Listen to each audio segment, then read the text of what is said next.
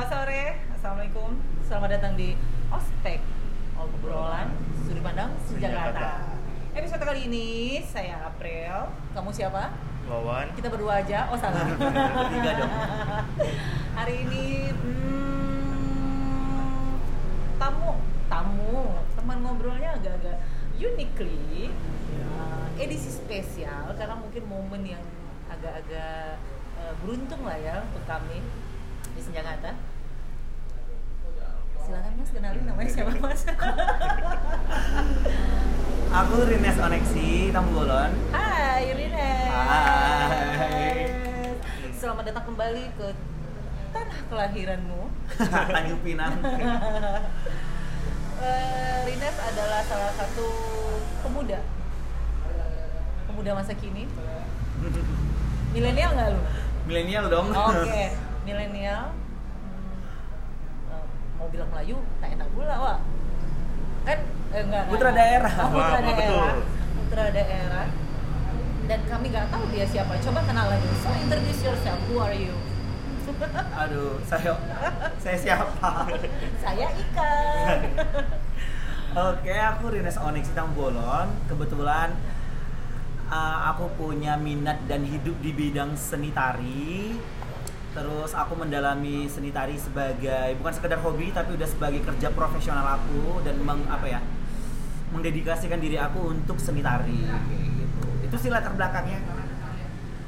Kasarannya gini kali ya, Wak ya. Hmm. Eh, Apa tuh? Anggaplah aku nih orang baru dan awam banget gitu. Iya. Untuk di kolektif, untuk di Tanjung Pinang. Aku, aku, aku ini loh visitor loh sebenarnya dari luar angkasa. dan memang sangat eh, sejujurnya aku sangat amat eh, kaget. Kaget di mana oh ternyata ada orang Tanjung Pinang yang sangat amat berprestasi di luar seperti biasa di luar. Dan tidak dianggap oh salah. Dan belum dikenal di tempat. Ya Bisa tidak jadi lo nggak dianggap. aduh, aduh ada yang curhat. Aduh. Oke eh, Nes eh, dirimu memang asli Tanjung Pinang Asli dan lahir di Tanjung Pinang. Hmm, SMA di sini juga berarti ya Hmm, pokoknya dari lahir dia semuanya sampai SMA di sini. dulu SMA mana Dulu di SMA Negeri 4 Tanjung Pinang. oh, Oh, SMA empat. sorry tamat SMA tahun Tahun 2013. oh 2013 Sama sudah angkatan itu- berarti. sama Sama aku. oh sama lah aku ada di kelas Iya. mereka 2013 kan temannya? apa di kelas kalian Gak percaya sih. sama oh, Di Uban tapi. SMA mana ada Hah? Bebannya di mana? Iya. Ngobrol sendiri Ngobrol, ngobrol aja. ngobrol. Lanjut kak. ah, eh, setelah, setelah tamat SMA ente kah Taman SMA aku nempuh kuliah di Jogja di Institut Seni Indonesia Yogyakarta tahun 2013 juga. Heeh. Hmm. ambil Ngambil Fakultas Seni Pertunjukan, jurusannya seni tari. Wow. Nah, minat utamanya penciptaan. Jadi kita di sana tuh ada kayak minat utamanya lagi tari. oh gitu Satunya pengkajian, satunya lagi penciptaan. Nah, aku ngambilnya ke penciptaan. oh nih ke- kelihatan banget ya saya dan Wawan agak-agak Bingung. Bingung. awam sekali oke Nes eh, tari aku rasa hampir semua orang sebenarnya bisa nari ya bisa, semua orang Iya. bisa nari. Semua orang bisa nari. Nah kalau secara apa ya akademis lah ya sebenarnya tari itu terbagi jadi dari apa menjadi apa sih? Eh, sebenarnya kalau menjelasin tari ini terbaginya menjadi apa agak complicated banget ya karena kalau kita berangkat dari sejarah kita nggak bisa eh, tergantung latar belakang nih Hmm. kalau kita sejarah barat sama sejarahnya kita eh, Indonesia Indonesia itu bakal menjadi hal yang ini bertolak belakang contoh nih ya tari balet lah datang ke Indonesia pasti kita bilang itu tari modern Oh iya. ya kan? Padahal balet di luar sana, di barat sana atau di Eropa sana itu adalah tari tradisi. Nah, jadi itu yang kayak jadinya tumpang tindih. Terkadang contoh nih, tari hip hop, tahu eh, tari misalnya street dance gitu. Street dance lahir tahun berapa di sana, masuk ke kita tahun berapa gitu. Oh, jadi di sini eh, modern. jadi memang eh, kadang kita banyak hal yang ketinggalan jatuhnya. Apalagi kalau uh, beberapa hal itu kita banyak yang mengikut dari sana. Sebenarnya dari sini tuh ada pelopor-pelopornya kalau untuk tari. Tapi kalau ditanya biar lebih apa ya?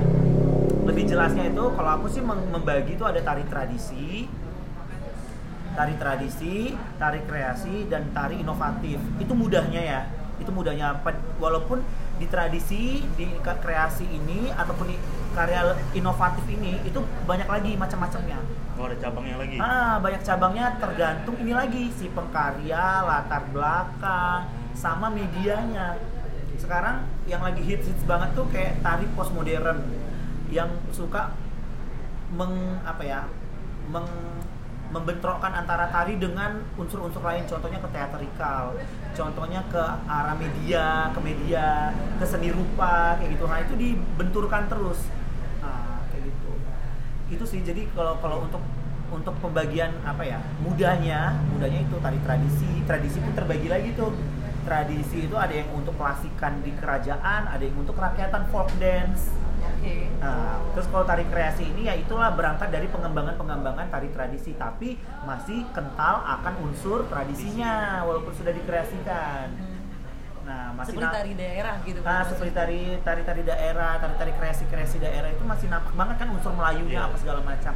Ada juga tari inovatif. Ini yang kadang kita ter- yang kita kenal dengan tari modern, tari kontemporer, apa segala macam, macam-macamnya dan segala macamnya kayak gitu kan macam banget tuh sekarang berkembang. Nah, ini bisa saja berangkat dari tradisi tapi lebih ke hal yang berpikir. Jadi lebih lebih apa ya? Lebih kuat di konsep bukan bukan kuat di konsep doang sih.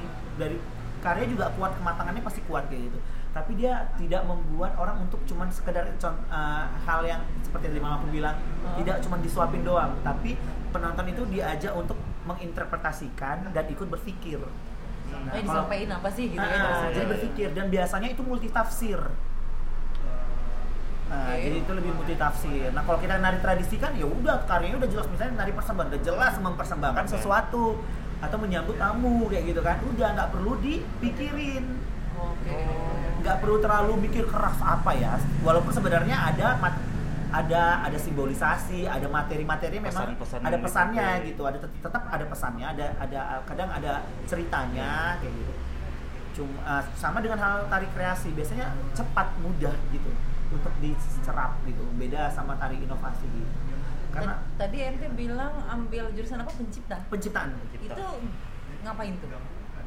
Uh, kalau kita jurusan pencipta uh, minat utama penciptaan seni itu seni tari itu kita lebih menjadi pengcreate-nya tuh, pembuatnya Produce gitu kali ya? bisa jadi ya bisa bisa jadi produce juga Uh, jadi kita tuh lebih jadi pemimpin yang untuk membuat karya ini Jeff. Nah, jadi lebih ke praktisinya lah kalau karena pengkajian itu lebih ke analisanya analisa dan keilmuan mengkaji sesuatu yang sudah ada contoh nih aku kalau pengkajian ya biar kita nampak bedanya ya oke. antara si pengkajian sama si penciptaan Oke. itu biasanya kita sama-sama meneliti. Hmm. tapi yang dia teliti dia meneliti karena dia pengen tahu yang dari teliti ini untuk dibukukan untuk dituliskan menjadi sebuah tulisan. Sama halnya sama teman-teman kalau kuliah umum. Misalnya ekonomi apa kan teman-teman meneliti untuk menjadi sebuah tulisan kan? Nah itu hasilnya. Tapi kalau peng- peng- peng- penciptaan kita meneliti untuk menjadi ide penciptaan yang akan menjadi sebuah wujud karya dan itu juga harus dianalisa dan ditulis. Jadi kerjanya dua kali sih. Oh. sama-sama meneliti sama-sama menganalisa tapi kalau dia ini untuk menghasilkan ilmu pengetahuan saja kalau kita menghasilkan ilmu pengetahuan tapi jadi sebuah karya goalnya. Dan pasti dan harus menjadi sebuah karya gitu. dan harus menjadi sebuah karya dan harus tertulis. Ada landasannya. Terlihat ya kita agak-agak bodoh ya. Bodoh. Asli bodoh. Belajar, kita belajar Oh, iya, bareng-bareng. iya. Oke oke pak. Kami kuliah umum ya minta kuliah umum tentang tari. Wan aneh sudah banyak bertanya. Apa kan banyak bertanya. Padahal aku baru dua nanyanya. Apa ya jadi ma- maksudnya selama di bidang tari ini apa aja sih yang udah pernah dibuat? Maksudnya dari dari diri sendiri atau dari uh, dengan orang lain gitu? Maksudnya udah udah pernah saya ngebuat apa nih. Selama ente berkecimpung dan memilih Ah, eh, di jalur tari ini. tari Eh, kalau ditanya buat apa kayaknya banyak hal yang sudah dibuat gitu ya. Walaupun itu balik lagi ya dari yang kecil mungkin sampai yang menurut aku menjadi hal yang sebagai kebanggaan aku. Ya ada gitu kalau ditanya apa gitu aku bingung yang mana satu ya. Kebanyakan, lebih kebanyakan. ke mana ya lebih ke mana ya? Silakan google googling atau enggak lihat di YouTube ya. Enggak, enggak, enggak. eh bisa bisa bisa aku udah lihat kok. tapi tapi kalau hal-hal yang terkecil gitu tuh aku sem- yang menjadi yang terkecil ya menurut aku ini bukan menjadi sebuah karya tapi aku ada workshop tahu nggak? Aku workshopnya uh, jadi aku tuh ada kerjasama sama ini apa ya bukan karya yang gila-gilaan bukan bersama penari ataupun produser yang gila-gilaan kayak gitu. Ini di mana ini Di Jogja uh, di Jogja dan di Arizona dulu Arizona nah, di Arizona Um, Arizona tuh Amerika ya? ya Amerika Wah itu ada sampai Amerika? iya iya alhamdulillah Wah, putra Tuhan. daerah wah. jadi aku tuh ada kerjasama sama namanya Mettler Dance Studio Itu di Arizona? di Arizona. Nah. Nah, jadi hal yang menarik itu adalah dia me- uh, men- uh, dulu uh, si Barbara Mettler yang pelopornya itu tapi sudah udah udah almarhum ya. Dia itu membangun kota Arizona itu khususnya Tucson. Tucson itu menjadi sebuah kota yang hidup dengan tari. Oke. Dia membangun kota itu dengan tari dan akhirnya dia dapat ibaratnya biasalah pelopor gitu ya. pelopor kayak gitu kan pasti pemerintah support, gitu Support. kan jadi akhirnya dia didanai untuk terus ada hibah untuk dia tiap tahunnya dan dia men- selalu menyelenggarakan kegiatan eh, temanya itu adalah everyone can dance Oke. semua orang bisa menari Setiap tahun. setiap tahunnya Oh berarti acara tahunan gitu? Iya, ada tahu tahunan dan dia ada uh, judulnya itu, temanya itu, tapi dia ada program kecil-kecilnya lagi, macam-macam Oh. program sub programnya lagi. Nah, dan aku udah mengikuti beberapa programnya itu dan itu tuh luar biasa. Aku pernah bayangin, aku sebagai aku basicnya tari ya, Oke. aku penari kayak gitu Mhm. punya punya apa kemampuan untuk menari. Tapi kalian bayangin aku pernah belajar bersama di satu workshop selama dua minggu di Arizona itu sama orang-orang bukan penari Masa? beneran De- dengan dengan notabene kita belajar nari di situ workshop tari tapi itu tidak itu ada anak-anak dari psikologi ada dari kimia fisika ada yang cuma guru sekolah kayak gitu. Dan menurut aku kayak yang mungkin kalau dari segi skill gitu kita kayak ngerasa aduh kok kayak gini ya? kayak gitu. Tapi sebenarnya bukan itu. Tapi itu itu yang menurut aku bilang orang suka bilang bahasa musik itu bahasa yang mudah dicerap dan mudah mempersatukan orang. Menurut aku tubuh itu lebih mudah untuk berkomunikasi dengan orang banyak. Kalau bagi aku ya komunikasi dengan tubuh. Karena apa? Pernah nggak sih nengok gestur tubuh orang kita paham orang ini kayak gini? Karena aku semakin semakin tahu aku mendalami tubuh orang yang tadi aku bilang everyone can dance itu temanya everyone can dance dan menari dengan orang-orang yang uh, notabene bukan penari. Dia mencoba menggerakkan tubuhnya sebatas yang ia mampu. Akhirnya aku bisa ber berkenalan dengan tubuh-tubuh yang aku kayak ngerasa oh aku tahu kamu siapa. Oh aku tahu kamu siapa. Aku kenal lo kamu tuh tipenya kayak gimana. Aku tahu lo kamu orangnya kayak gimana. Akhirnya aku berkenalan gitu. Dengan aku pada saat itu uh, bahasa Inggris tuh aku mampu tapi untuk akademis untuk formal bahasa Inggris dengan formal. itu kan sulit ya. Iya, dan kita kadang sangat sangat sangat beda. Kalau untuk komunikasi biasa-biasa gitu aku mampu kayak gitu. Tapi kalau untuk jadinya di akademik karena kita kan workshop di akademis gitu kan ada lembaganya aku agak kesulitan apalagi ketika mereka pakai bahasa ilmiah apa segala macam itu kan agak susah cerapnya. Aku kadang bertanya dulu sama temanku "Ah, apa sih ini? Nanti dia kasih tahu pemahamannya baru aku tahu oh Indonesianya ini ternyata kayak gitu. Aku telat aku suka telat terlambat dan aku jadinya penulis banget. Padahal aku nggak suka nulis ya jadi aku penulis banget di sana. Tapi dicatat gitu maksudnya? dicatat semuanya materi itu aku catat apa segala macam dan akhirnya aku bisa berkenalan dengan mereka. Sampai aku bilang gini di antara kita semua aku kan orangnya komunikatif banget ya. Mhm. aku tidak menjadi komunikatif karena apa? Karena aku delay delay delay ini mencerna gitu kan delay mencerna karena bahasanya terlalu ya itu ya itu aku Baku lah ya, terlalu baku baku. banget Oh. karena akademis banget kan Hmm. dan akhirnya aku bilang sama mereka aku tidak apa aku tidak komunikatif dengan kalian tapi ternyata tubuhku bisa berkomunikasi jauh lebih dalam sama mereka dan akhirnya di antara kita semua tuh mereka itu sangat feedbacknya ke aku tuh sangat sayang banget gitu sampai aku tuh ada momen nari sama ibu-ibu udah tua banget dia kayaknya profesor gitu dia dia eh, eh, dia menari sama aku dia pertemuan terakhir doang datang. Oke. dia menang sama aku dan dia bilang begini sama aku. Rines apa? Kamu punya soul of healing kata itu. So aku bilang gini serius gitu. Masa aku punya jiwa untuk menyembuhkan seseorang aku bilang gitu atau menterapi orang kayak gitu. Karena dia bilang apa? Aku tadinya pegel aku tidak ikut workshop ini karena aku pegel-pegel badanku tidak enak badan tapi ketika aku menari sama kamu ketika kamu ngelakuin sentuhan begini aku kayak ngerasa ada energi yang menyembuhkan aku kayak gitu. Bunos kan gitu. Aku nggak tahu apa apa dan aku cuma melakukan itu dengan setulus hatiku aja gitu kayak jadi flow aja kayak gitu. Tapi akhirnya ada orang yang merasakan seperti itu berarti menurut aku energi tubuh manusia itu aku rasa banyak orang yang mengamini ini ya. Energi tubuh manusia itu sangat berperan banget untuk orang lain. Contoh nih kamu datang dengan senyum gembira itu energi banget kan buat Betul, kita. Betul. kamu lagi sedih tiba-tiba aku sini aku peluk sini aku peluk. Itu energi banget kan jadi menurut aku tubuh manusia itu sangat punya energi untuk spread ke yang lain Oh. untuk menyebarkan ke yang lain kayak gitu. Itu yang yang aku pahami. Dan itu itu momen pertama yang sangat gila banget ya aku tidak menari aku tidak pentas di sana cuma workshop doang bagi orang kan nah workshop doang nggak pentas kurang lah kurang kurang performer banget lah kayak gitu ibaratnya kan cuman cuman gitu doang terus narinya apa workshopnya sama orang yang bukan dari seniman terkenal kayak gitu ibaratnya kayak gitu dan momen kedua yang paling gila si Metal Dance Studio ini mengajak dan berkarya bersama siapa anak-anak difabel disabilitas Wow. Di di waktu pada saat Iya di? Arizona sana. Jadi itu namanya eh, aku lupa nama tempatnya. Eh, nama tempatnya aku lupa, tapi itu kayak yayasan penyandang cacat kayak gitu kan. Dan itu kalau kita lihat orang-orang di dalam itu itu bukan cacat fisik yang masih bisa berjalan. Misalnya gini ya, mungkin dia nggak punya tangan, tapi dia masih bisa berjalan gitu kan. Ada kaki. Kalau di, kalau di sana itu difabel, disabilitasnya itu yang mereka Ya, ke mana-mana ya. bawa tabung ini oksigen Oh. mereka benar-benar nggak bisa bergerak kayak gitu kayak yang kita ibaratnya ah, bukan Stroke. Stroke ringan maaf ya. stroke ringan stroke gitu ya? ringan ataupun kita kayak kalau nengoknya kayak yang, aduh nggak lama lagi kayak gitu. Oh. kita harus menari dengan orang yang kayak gitu. Aku masuk aja udah nangis. Oh iya. pas aku menari sama mereka ternyata kak mereka tuh punya energi yang luar biasa.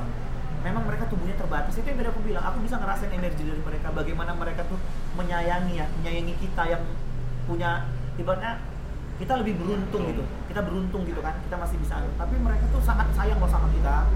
Memeluk mengapa ada momen aku tuh dipeluk terus dia mungkin mungkin dia puber juga ya. Dia kayak sayang banget sama aku terus tuh dia na- nangis sambil ciumin aku terus. Dia ciumin aku terus, terus aku kayak yang oh Tuhan aku bilang gitu. Aku menari sama orang yang seperti ini loh. Itu yang aku bilang tubuh manusia itu tak terbatas sebenarnya. Iya kan? Itu kesempatan yang itu enggak enggak. Dan kita Nggak pernah semua di- orang. Itu banget. iya dan aku kayak yang aduh. Dari situ tuh aku kayak selalu bersyukur sama tubuh yang Tuhan kasih. Akhirnya aku kayak yang Tuhan kasih dirimu tubuh baik. Terkadang kan orang banyak dikasih talenta eh, kemampuan tapi orang nggak mau lanjutin. Padahal nggak semua orang dapatin itu. Kayak gitu. Nah itu yang aku kayak bilang aku kalau memang Tuhan memang kasih izinkan aku aku bakal terus kok berbuat apa di bidang ini gitu dengan tubuh aku terus kita ada momen juga kita kayak nari-nari sama ibu-ibu. Tahu nggak sih? Kita kan ibu-ibu?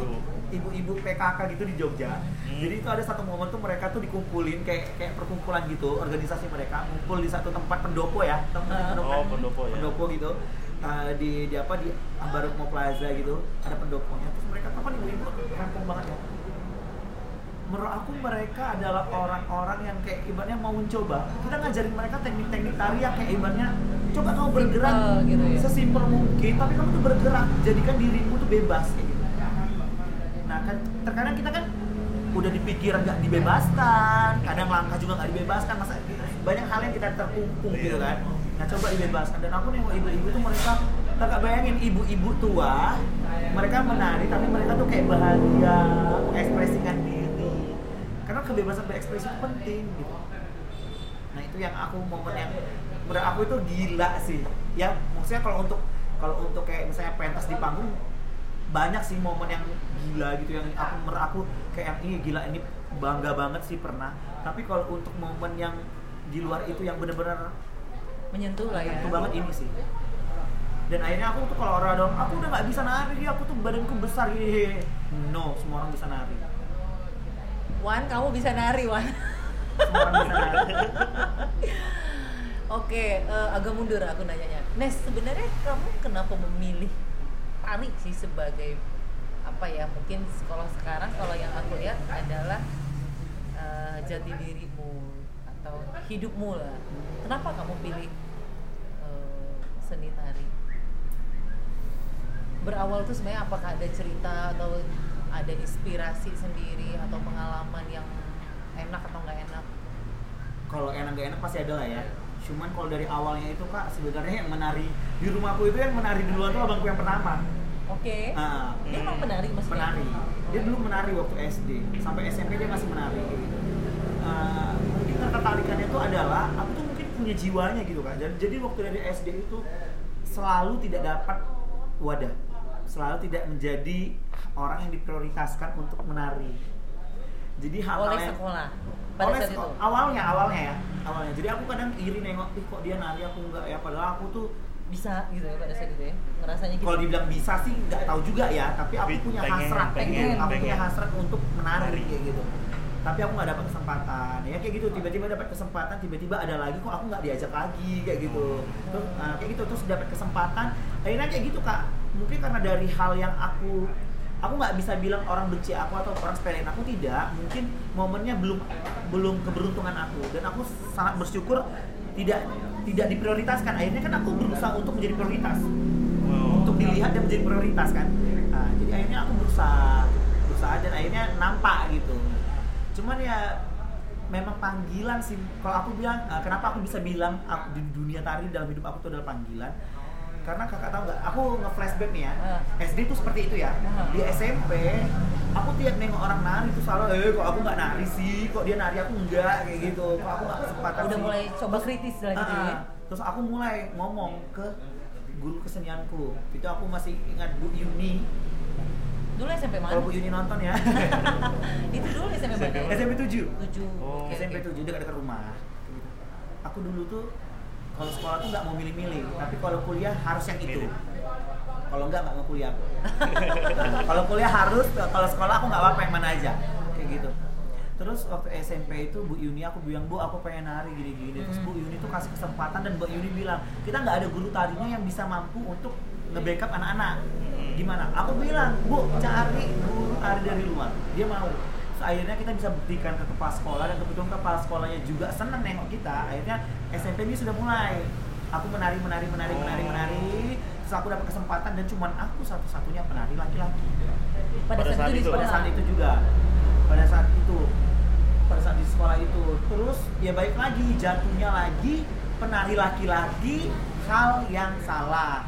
Iya. no ya itu stigma tuh ya stigma, Stigma, stigma stigma. yang parah banget nah ntar ntar kita cerita Nah, stigma nanti oke. kita stigma itu oke ya. lanjut Terus lanjut, lanjut ke situ uh, dapat kesempatan lagi terus tapi aku belum menjadi ibaratnya aku belum belum menjadi hal yang aku harapin gitu loh Kak. Maksudnya kita kan lomba ya, terus kita berharap untuk menjadi yang pertama gitu kan tapi kita cuma menjadi dua, cuma menjadi ketiga dan nggak juara gitu. Tapi kita ibaratnya udah muncul dan aku percaya pada saat itu orang tahu oh ini anak punya skill, punya punya kemampuan. Tapi tetap kalau tidak diri saya yang bergerak, saya nggak saya tidak akan dilihat orang. Kalau nggak nggak bergerak nggak bakal dilirik nih. Iya, kalau nggak bergerak nggak bakal dilirik. Mending kalau dilirik dan dipakai. Udah dia tahu tapi dia nggak mau kayak gitu. Ada Oh, juga iya. yang kayak gitu. Gitu. Terus udah kayak gitu masuk ke SMA. SMA nggak tahu nggak? Aku langsung bilang gini dalam hati aku. "Ah, jadi SMA juga aku complicated sebenarnya tuh. Ah, gak usah dibahas deh. Pokoknya SMA tuh aku complicated. Akhirnya aku di SMA 4 ya. Pokoknya aku di SMA 4 dan dan akhirnya aku kayak yang ya udah aku nggak apa kok di SMA 4 kayak gitu. Walaupun sebenarnya aku keterima di SMA 1 tapi ada complicatednya lah di SMA 1 nya tuh. Jadi aku minta pindah kayak gitu. Sudah kayak gitu.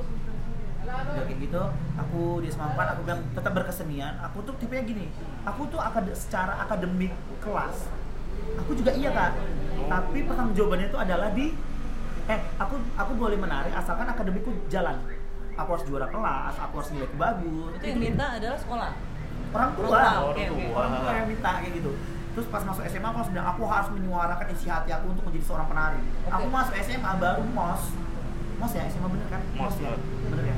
SMA mos aku langsung bilang kak kakak tingkatku kak apa kak di sini katanya SMA 4 ada sanggarnya ya aku pengen nari hari itu juga aku digiring ke guru tari dan mereka sedang proses karya tari oh jadi kalau kakak mau nanya pada saat apa kamu benar-benar yakin dunia tari SMA? oh oke. Karena pada saat itu aku dapat wadah, terus aku tuh benar-benar jadi prioritas karena menurut aku hal yang fair itu adalah siapa yang punya skill itu yang dimajukan. Bukan karena kamu kenal sama aku, karena kamu apa gitu, bukan bukan karena privilege ya. dan itu pun kamu sudah membuktikan dengan dengan kamu berusaha makanya kamu Iya. di, diprioritaskan begitu ya Dan waktu itu juga penari laki-laki banyak, tapi akhirnya cuma aku sendiri jadi penari yang untuk di apa ya untuk lomba ini kayak gitu. Terus akhirnya aku sekolah sekolah iya prestasiku makin banyak di SMA lah ibaratnya kayak gitu prestasiku makin banyak di SMA dan yang tadi aku harapkan juara yang aku harapkan itu mulai ada terus akhirnya aku berpikir gini kuliah sebenarnya dari SMP aku tuh udah tahu pengen masuk isi isi Jogja ke seniannya belum tahu di bidang apa. udah Udah. udah udah tahu ke tari dan jurusan tari tapi kayak belum yakin lah Oh, karena SMP, SMP. tau lah panas panas tai ayam kan Tapi hebat loh SMP udah tahu bahwa dia mau masuk isi wah. Iya. aku mau masuk Aku- isi jadi apa tuh ya? Aku lanjut. SMP tuh udah kepikiran masuk isi terus setelah itu SMA itu aku mikir gini karena aku jadi akhirnya aku tuh juara kelas juara umum kayak gitu gitu kak di SMA 4 terus aku berpikir kayak gini udah mau uh, akhir-akhir gitu terus aku juga jebol SMPTN kayak gitu kan ma- mahasiswa undangan gitu kan Di? uh, di Riau Oh. aku unri unri aku keterima di unri terus udah kayak gitu tuh aku di, aku bertanya lagi nih sama hati aku aduh Nes apa yakin kok masuk situ? Padahal padahal aku balik lagi aku berdoa gini sebenarnya apa sih? Pada saat itu aku nggak bilang panggilan hidup ya Iya. maksudnya apa sih sebenarnya yang aku mau kayak gitu. Setelah aku flashback aku juara umum kelas bagus prestasi bagus itu serta merta untuk membuat orang tua aku mengizinkan aku untuk apa? Untuk bisa menari kan? Biar tuh orang tua aku izinkan aku terus bisa menari. Aku tuh nggak pernah kalau ditanya sama mamaku gitu waktu SMA Rinis tuh ngapain alah sibuk di sekolah aja dia sibuk nari sibuk belajar itu doang aku nggak pernah di rumah kak nggak pernah di rumah cuma belajar latihan nari kayak gitu sekolah kegiatan sekolah semua kegiatan aku ikutin kayak gitu karena apa menurut aku orang tua itu cuma tahu hal yang dilihat dari raport kayak gitu Oh, iya benar. Betul. Iya kan? Jadi akhirnya ya pengabdian bukan pengabdian ya. Tanggung jawab kita ya itu udah itu. Tapi ketika itu kita bisa bertang bertanggung jawabkan, hal yang lain pasti orang tua yakin, oh anak aku memang orang yang bertanggung jawab kayak gitu. Anak aku bisa dipegang apa yang komitmennya Iya. gitu. Penasaran aku. Jadi waktu yang di Unri eh, si- eh, ma- jadi mahasiswa undangan itu jurusannya seni tari juga? Tidak. Apa? Pokoknya sains lah aku IPA. Oh, gara-gara prestasi di SMA tadi? Iya, bukan karena jurusan aku dan ke ini akademik kelas. Oh. Nah, akademik kelas tuh aku kan IPA tuh. Hmm. Ya udah aku ngambil sains gitu aku lupa yang kemarin pada saat itu itu pun aku kayak coba iseng-iseng berhadiah. Oh. terus keterima. Itu terus akhirnya aku sadar bahwa oh enggak sih Nes. Engkau selama ini tuh cuma untuk tari makanya engkau mau secara akademik SD nggak juara kok. SD nggak juara. SD tuh masuk lima besar masuk 10 besar tapi aku kayak nggak gila-gilaan belajar. Itu kayak ibaratnya ya udahlah sebatas aku yang kamu bikin itulah dapatnya kayak gitu nggak berusaha kali. SMP mulai berusaha SMA makin berusaha.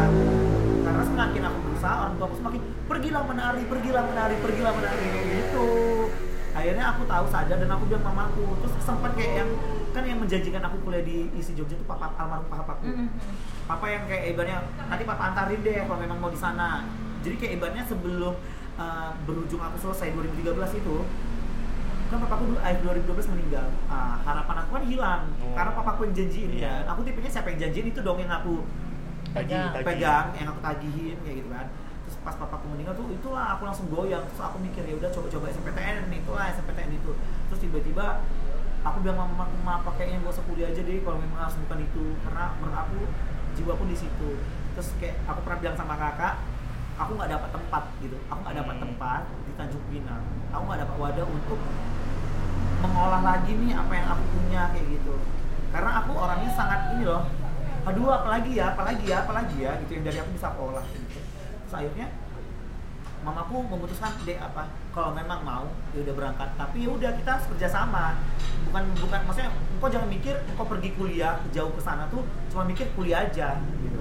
Engkau harus tahu kita harus kerja sama gitu harus berusaha aku juga berusaha bukan dari segi kuliahnya aja tapi segi finansialnya juga Oh iya. kayak gitu karena kan pada saat itu memang lagi ini ya kita empat-empatnya lagi kuliah kayak gitu empat-empatnya lagi Oh, masih masa sekolah. berjuang lah, Kuliah. masih sekolah kayak gitu jadi kayak yang adik beradik itu masih masih belum ada yang ibaratnya bisa jadi inilah supportnya untuk bantu orang tua Oh. gitu masih kayak yang harus kerja sama bareng-bareng lah dan aku yakin Apa rasanya pada saat eh, kamu akhirnya keterima atau mungkin bahasanya apa ya masuk diisi sesuai dengan apa yang kamu inginkan?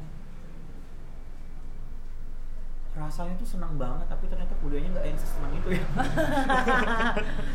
Capek wah. Iya, karena menurut aku itu yang aku selalu bilang kalau kita cuma berangkat dari hobi, hobi itu kamu lakukan pada saat kamu senang. Oke betul. Hobi kan kalau kalau kamu senang kamu lakuin, kalau enggak ya udah enggak. Kalau enggak is, eh, ngisi waktu luang. Tapi kalau kamu udah terjun ke dunianya Passion kamu lah ya. Nah, udah jadinya passion dan kamu bertanggung jawab. Mau kamu lagi bad mood lagi nggak suka lagi nggak apa kamu harus bertanggung jawab. Kamu di bidang itu sekarang. Kamu yang harus menghidupkan bidang itu. Bisa hidup Wak dari situ. Menurut kamu lah selama yang udah kamu jalani kamu tekuni kamu pilih. Bisa. Buktinya aku hidup bahagia lahir batin. Oke aku ganti berarti pertanyaannya. Bisa menghasilkan uang? Bisa masa? Bisa. Bisa.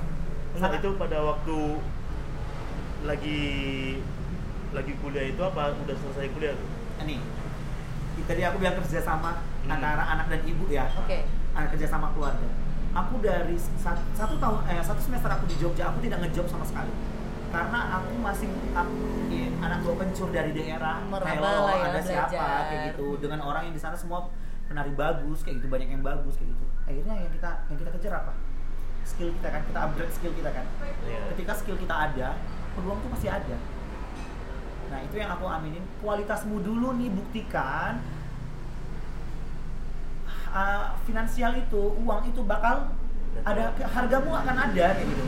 Dan akhirnya ya boleh ditanyain aja deh sama orang tuaku ya. Nggak mau lah jauh. Aku Sini dari aja. S1 sudah bisa menghasilkan uang jadi selagi aku tidak minta tidak pernah dikirim. Berarti dapatnya dari job? Dapatnya Oh. dari job. Job itu sorry nah ini maksud ya balik lagi ya Nes ya orang awam ya si, si mbak-mbak yang eh, agak-agak kosong ini ya ilmunya. Asli wak bengong wak kalau ngomong Sama, masalah teknis bukan teknis apa ya lebih ke akademis apa segala macam apa apalagi bisa dikategorikan kan ini nih kan ilmu yang pasti gitu ya pasti Hmm. dong. Ya ada bentuk gerakan gitu kan ya pasti gitu kan. Eh, job yang kamu maksud itu bentuk itu maksud itu eh, kamu ikut sanggar atau misalnya dapat eh, kesempatan eh, show atau memang itu harus eh, linknya dari kampus memang nyari sendiri atau ikut eh, lomba itu apa bagaimana? ya itu semuanya. Yang disebutin tadi itu semuanya jadi ada yang oh iya. jadi bener. Ada yang dari kayak ibaratnya lebih ke entertain. Ada yang memang untuk uh, yang lebih ke festival seni seni seni seni banget ya lebih ke artnya banget nih apa tentang makna artnya gitu ya. Ada yang uh, lebih ke kayak job-job sanggar weddingan kayak gitu. Ya banyak macam. Jadi kalau dibilang klasifikasinya macam-macam gitu. Ada yang ya, ya itu ada yang untuk mikir banget ada yang untuk entertain banget ada yang untuk apa kayak gitu. Sampai kayak yang pertunjukan malam kayak gitu. Ya Sepengalaman, Ah, ah, oke tapi- Wawan dulu. Potong dulu, maksudnya untuk sa- sampai ke tahap yang semua itu dari awal itu tahap apa tuh? Maksudnya untuk sampai bisa itu. Ya itu aku dulu tuh pertama eh, untuk bisa sampai ke tahap itu ya itu upgrade skill dulu. Kita kejar dulu skill kita sampai mana. Enggak maksudnya tuh kayak untuk di entertain atau di bagian lain itu maksudnya dari karena pernah men- apa ikut kompetisi harus dilirik atau gimana tuh? Eh, jadi sebenarnya kalau karena kita di ranah kampus ya jadi sebenarnya kita dilirik itu karena kita Sering tampil. karena kita harus tampil dulu kan baru orang Hmm, bisa tahu benar, kita benar. kualitasnya kayak gimana nah dibuktikannya dari jadi gini di kampusku itu kan banyak kakak tingkat yang punya karya-karya Hmm. Mhm. yang akan ujian ibaratnya ujian tugas Iya. akhir dan mereka butuh penari. Nah ke nah di kampusku siapa koreografer ter- terbaik pada saat itu pada tiap-tiap angkatan itu siapa koreografer terbaik ketika kita terpilih jadi penarinya dan kita mampu itu menjadi jam terbang yang langsung vuk kayak gitu. Oh, dari situ. Prestis lah ya. Nah, jadi pada saat aku pertama kali di semester 2 aku dapat eh, eh, a- aku sangat bangga ya ketika dapat karya itu. Itu ada ada koreografer dia mengajak aku dengan aku sendiri anak bau kencur yang lainnya tuh senior yang udah alumni jadi aku nari sama alu- alumni sama ada juga senior senior yang masih kuliah. Tapi udah di atas jauh yang ke- kemampuannya jauh. dan dan itu pressure-nya parah parah banget. Karena aku jauh banget di bawah mereka. Satu kemampuan juga jauh di bawah mereka. Dan ketika latihan mereka dikasih langsung jadi. Aku dikasih tidak jadi jadi kayak gitu. Itu jadi tarinya tari apa itu? uh, itu kontemporer. tari kontemporer tapi berangkat dari tradisi Melayu. Oh. Nah, karena aku uh, orang ibaratnya aku dari Melayu ini basicnya tari Melayu kan kayak gitu. Oh. Jadi dia kayak ngerasa "Eh, mungkin dia mampu ya diolah. Nah, itu yang yang aku amini kebaikan kakak tingkatku itu untuk mempercayainya ke aku Oh, gitu iya. kan. Aku dikasih kesempatan untuk buktiin gitu. jadi orang latihan jam 8 aku setengah 7 udah latihan orang pulang jam 11 aku jam 12 baru pulang karena apa karena aku harus punya latihan lebih Iya. Kayak gitu nah itu yang menurut aku kalau kamu mau lebih ya kasih kasih lebih lah kayak gitu kita kan mau lebih kasih lebih kayak gitu dan akhirnya dari situ ketika aku selesai dan aku ya bisa bisa di- dilihat gitu sama orang akhirnya dari situ. Baru mulai semua deh. terbuka pintu-pintunya. Terbuka pintu-pintunya balik lagi. Kamu pentas apa pun sejelek apa pun karya yang tampilkan yang terbaik. Apa pun tantangannya tampilkan yang terbaik. Karena menurut aku gini aku misalnya Mbak April nih bikin karya ngajak aku. Aku bukan sekedar mensukseskan karya Mbak April tapi aku juga sedang mempertaruhkan nama baik aku sebagai penari kalau aku ya punya prinsip jadi jangan pernah berpikir ala kan karya dia terserah lah jadinya terserah mau jadi kayak gimana. No kalau aku tipenya kalau memang awalnya udah berpikir kayak gitu mending gak usah nari. Nggak nggak nggak tulus Ah, jadinya. iya nggak tulus. Jadi lebih baik diperhitungkan dulu. Memang benar memang benar-benar mau melakukan yang terbaik atau enggak kalau aku sih eh fee yang kamu terima paling kecil saat zaman-zaman kuliah dulu untuk eh, menambah menyambung kehidupan. start awal nih start awal karir Ya Berapa, berapa puluh ribu? gratis saja ada kok Kalau gratis ya ya nggak usah. Eh, kalau paling kecil berapa ya di Jogja dulu Saya ingat-ingat dirimu lah. Nggak usah disebutin. dia ada ada kecil tapi ada ada dua hal yang ini berbeda kecil karena memang acaranya kecil ada kecil tapi karena memang ini acara ber, bukan uh, acara sakral gitu Iya, tapi nggak nggak nggak usah disebutin Oh. acaranya. Oh, pengen tahu aja kecil. nominalnya. dua puluh ribu pernah lima puluh ribu pernah Itu berapa jam? Eh sekali sekali, sekali show. sekali show Dua puluh lima ribu. tapi 25.000 ribu itu sangat berarti bukan berarti nominal ya karena dapatnya dari mana dapat dari mana karena dulu aku pernah dapat di bawah 25.000 ribu itu karena dari di keraton Wuh. tapi memang itu bukan dari bayaran ya kita nggak penting sih bayaran kalau di keraton itu tapi itu, tapi itu- nari di keraton uh, Hamung Kebudonya nonton? Eh, enggak tapi enggak nonton karena itu bukan acara istana. Tapi kegiatannya di istana. Tapi narinya di di sana narinya di istana kegiatannya di istana tapi tidak ditonton sama Sri Sultan. Tapi pernah di ada nggak uh, kalau Sri Sultan nonton aku sering Allah Ya. tua loh aku yang ke, daerah ah, pak aku tahun 2019 punya kesan yang mendalam banget loh sama Sri Sultan kami terpilih menjadi penari perwakilan DIY bersama Sri Sultan berangkat ke Rusia jadi kalau makanya aku kalau ditanya Sri Sultan tuh kayak gimana aku tuh sangat kayak yang aku adalah satu satu eh, bukan satu satunya aku adalah pendatang yang sangat ibaratnya Sri Sultan kan beruntung beruntung ya. Iya. Sri Sultan kasih kesempatan aku untuk dekat sama dia, tahu dia, ngerokok bareng. ya, ya kayak gitu. Karena menurut aku dia sangat apa ya? Menurut aku dia sangat bisa membedakan ketika dia di mana menjadi apa, ketika dia di mana dia menjadi kayak gitu. sorry ke Rusia acara apa Wak? Festival Indonesia. oke memang Mewakilkan diundang dari KBRI. Nah, diundang KBRI. KBRI dari mewakili eh, mewakili Yogyakarta sebenarnya, bukan Indonesia. Mewakili Yogyakarta ya, tetap Indonesia sih yang dibawa ya namanya. Cuman kegiatannya kegiatan Indonesia. berapa orang berangkat Nah waktu itu Jogja itu kita berangkat 73 orang. Jauh ya eh jauh Cuman ya banyak ya macam-macam. Ada tim kesenian, ada tim disperindak biasa lah, Oh, iya, iya, diplomatis, paham. macam-macam. oh gitu Rusia Wak Tahun lalu itu. dingin lagi musim dingin Eh, lagi summer tapi 9 derajat, 8 derajat, ya tetap dingin kan, tapi summer. Oke, tadi 25 ribu. Vi, yang paling gede, yang kamu nggak nyangka, ih kok aku dapetnya segini ya? Mau, mau usah disebutin Eh, sh- eh, showcase-nya atau siapa yang eh, yang bikin gak usah disebutin. Aku cuma butuh tahu nominal aja. Yang kamu nggak pernah atau nyangka garapnya nyangka sih da- garap garap garap proyeknya bisa dapet tuh pokoknya dapet segini nih Nah. nggak nyangka gitu Kalau yang paling gede itu, yang paling gede itu ya ada dua sih. Pernah aku dapat ragu, mau jawabnya ragu. aku udah bilang jangan disebut. Yang belakangan gak usah sebut. Aku cuma butuh nominal aja, Wak. 20 pernah. lebih lah lebih dari 20 pernah tapi banyak embel maksudnya itu karena kegiatannya jauh di luar sana gitu. Bersih lah, bersih, Oh, bersih, bersih, bersih, bersih.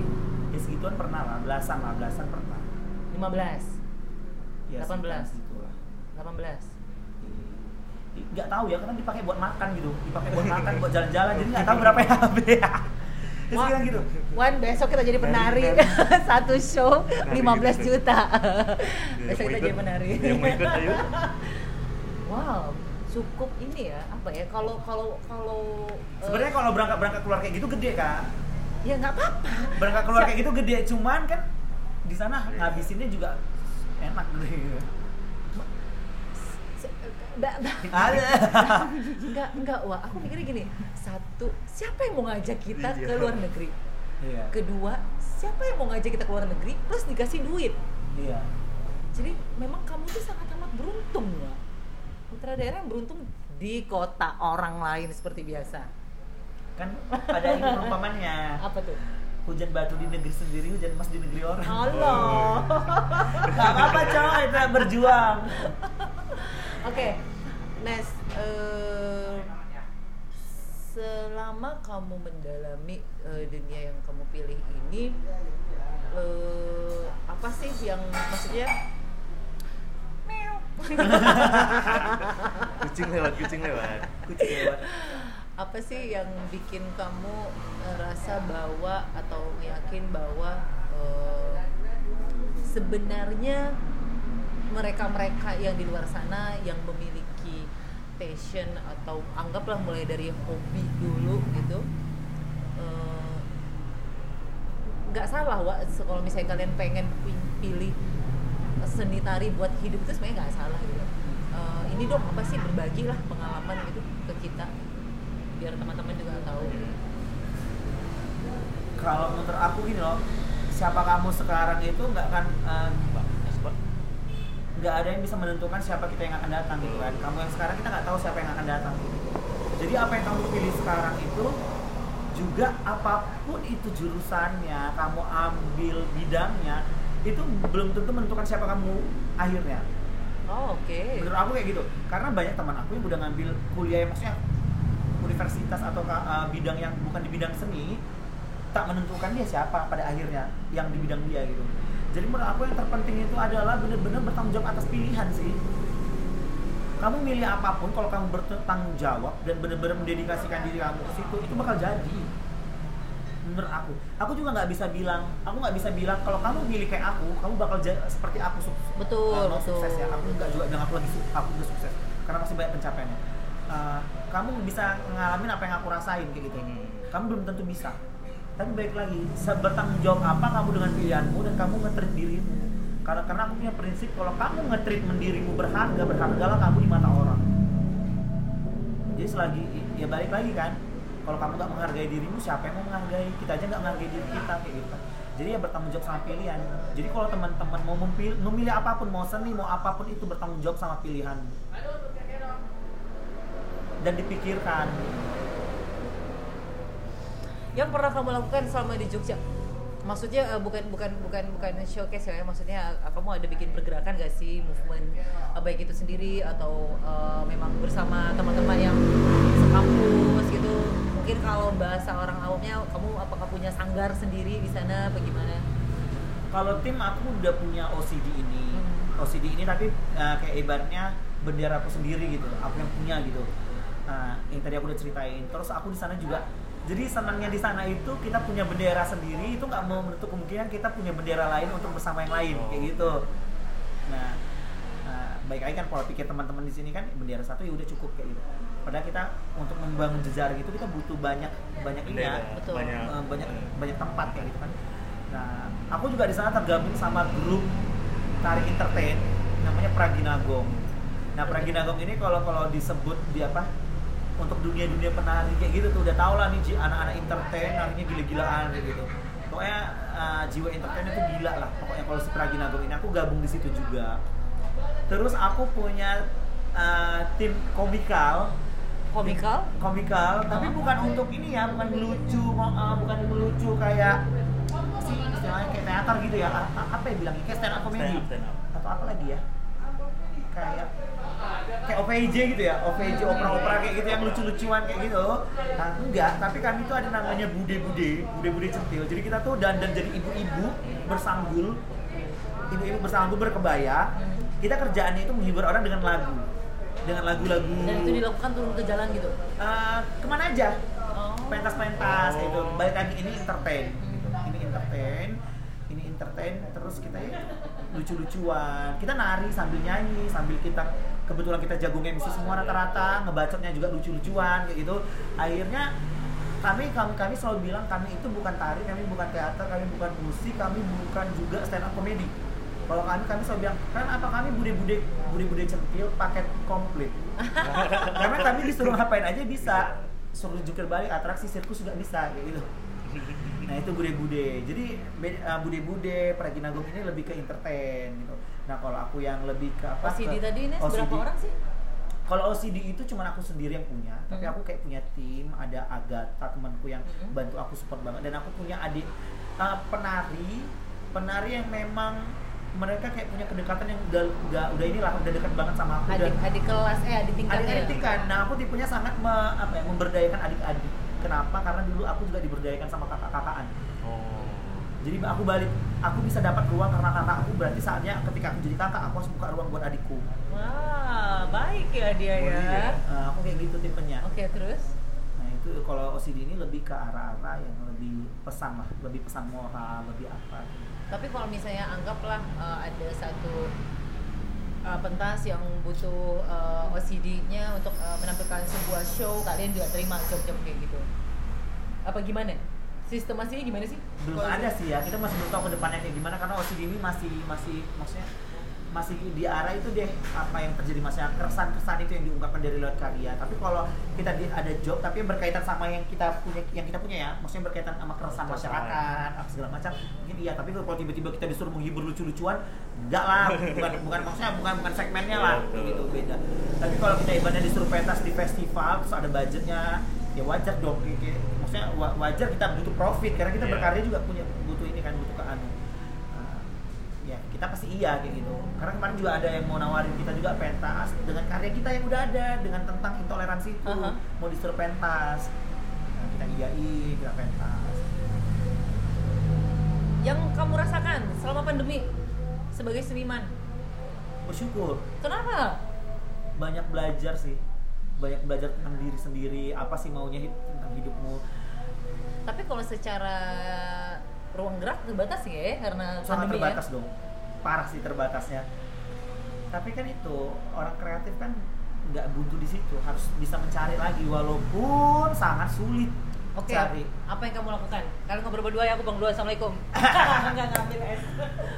yang aku lakuin selama pandemi beberapa kali itu aku ada kegiatan ya ya balik lagi ya kita cari oh, pada saat PSBB terus ruang gerak ter- terbatas kan bang di sini. Terus akhirnya kita cari kegiatan-kegiatan virtual. Kebetulan yang banyak kegiatan kemarin kan di pemerintahan ya di Iya, kementerian. di kementerian kementerian kan banyak kegiatan kayak memberdayakan seniman-seniman kayak gitu. Itu aku sempat bikin karya terus kayak penyambutan hari tari dunia. Bikin juga hari bumi aku bikin karya juga sama temanku videografer jadi kerjanya kerja kolektif berdua doang gitu. Itu di di luar ya? di, eh, di sini. Oh, di sini. di sini. Kan pandemi aku di sini Oh, jadi start pandemi udah di sini. udah karena kan aku terkurung gara-gara gak bisa aku ibaratnya apa nggak bisa ke mana-mana udah mau udah Iya, nyampe di iya. Tanjung Pinang kayak gitu kayak gitu bikin kayak gitu terus beberapa kali itu yang kayak kemarin aku bilang kayak disuruh kayak kasih materi di sanggar siapa kayak gitu ada kemarin Diam, diam, diam. Nih, nih, nih. Udah jadi minum dulu ya kita ya udah jadi bubur. Baru kali ini, Wak, kami bingung. Dan berapa kali aku ulangi? Baru kali ini, Wak, kami bingung. Oke, oke. Terus, terus, terus. kayak gitu Virtual? Iya. virtual virtual beberapa kali virtual terus ada ada sanggar juga yang ngajak ibaratnya terus apa nari dong di acara kami gini Di Tanjung Pinang? Tanjung Pinang nari tapi tetap virtual Oh. tapping tapping gitulah tapping tapping gitu virtual apa segala macam Nes, menurut kamu, kenapa kamu bisa eksis, bisa eh, melebarkan sayap menjadi diri kamu di kota orang lain, tapi tidak di Tanjung Pinang sendiri? Kenapa?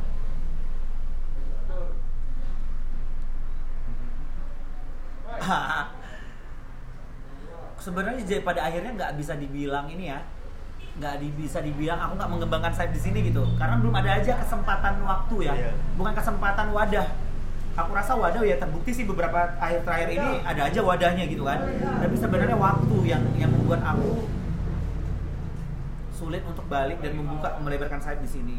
Tapi ke- kena- kenapa di sana? Karena itu tadi wadahnya ada support sistemnya ada ruangnya banyak akhirnya kita baik eh, cuman ibaratnya mikirnya ini mikir ke diri sendiri aja. Skillmu dinaikin pola pikirmu di apa di dimantepin lagi ya udah bisa karena wadahnya udah ada. Nah kalau kita balik ke sini kan kita harus mikirin lagi menghadapi masyarakatnya kita harus eh, eh, adaptasi sama pola pikir lagi stigma apa segala macam ruang yang belum ada bukan belum ada ya tapi ruang yang sedikit terbatas kayak gitu.